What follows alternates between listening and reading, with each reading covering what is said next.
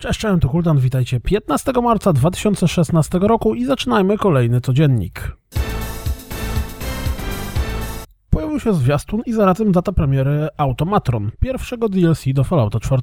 Rozszerzenia będziemy mogli kupić 22 marca.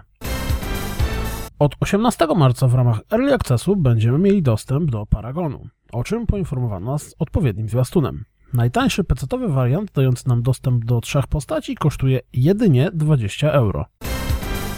Battlezone, czyli zmierzający na PlayStation VR symulator wektorowego czołgu przypomina o sobie zwiastunem. Do Hearthstone'a zmierza kolejne rozszerzenie – Przedwieczni Bogowie. Jeśli zastanawiacie się jak robić dobre spolszczenie, to koniecznie sprawdźcie go zwiastun. Wydany w 2013 roku na Steamie logiczny Tetrobot Company w tym tygodniu zawita na PlayStation 4 i Xbox One. Zwiastun w pełni przedstawi Wam założenie rozgrywki. Zwiastunem zapowiedziano Mages of Mistralia, ładnie wyglądającą grę o czarowaniu. O grze może być jeszcze głośno, bo pracują przy niej weterani branży. Na razie tytuł ma pojawić się tylko na PC. Twórcy całkiem dobrze przyjętego The Last Tinker zwiastunem zapowiedzieli Shadow Tactics Blades of the Shogun. Pierwsze skojarzenie komandosi z samurajami. Gra zmierza na PlayStation 4, PC i Xbox One. Danganronpa 2 zadebiutuje na Steamie 18 kwietnia. King's Quest Chapter 3 Once Upon a Climb pojawi się na wszystkich sprzętach 26 kwietnia.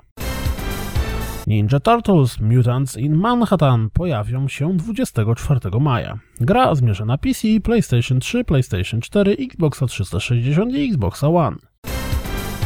Drugi epizod miniserii od Telltale The Walking Dead Mission pojawi się 29 marca.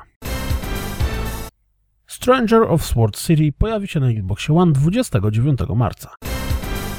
Way of the Samurai 3 zadebiutuje na Steamie 23 marca.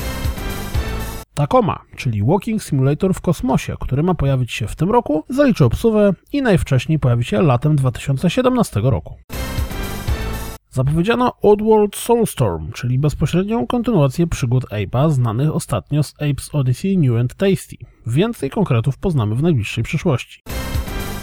Action Verge pojawi się na Wii U i Xboxie One.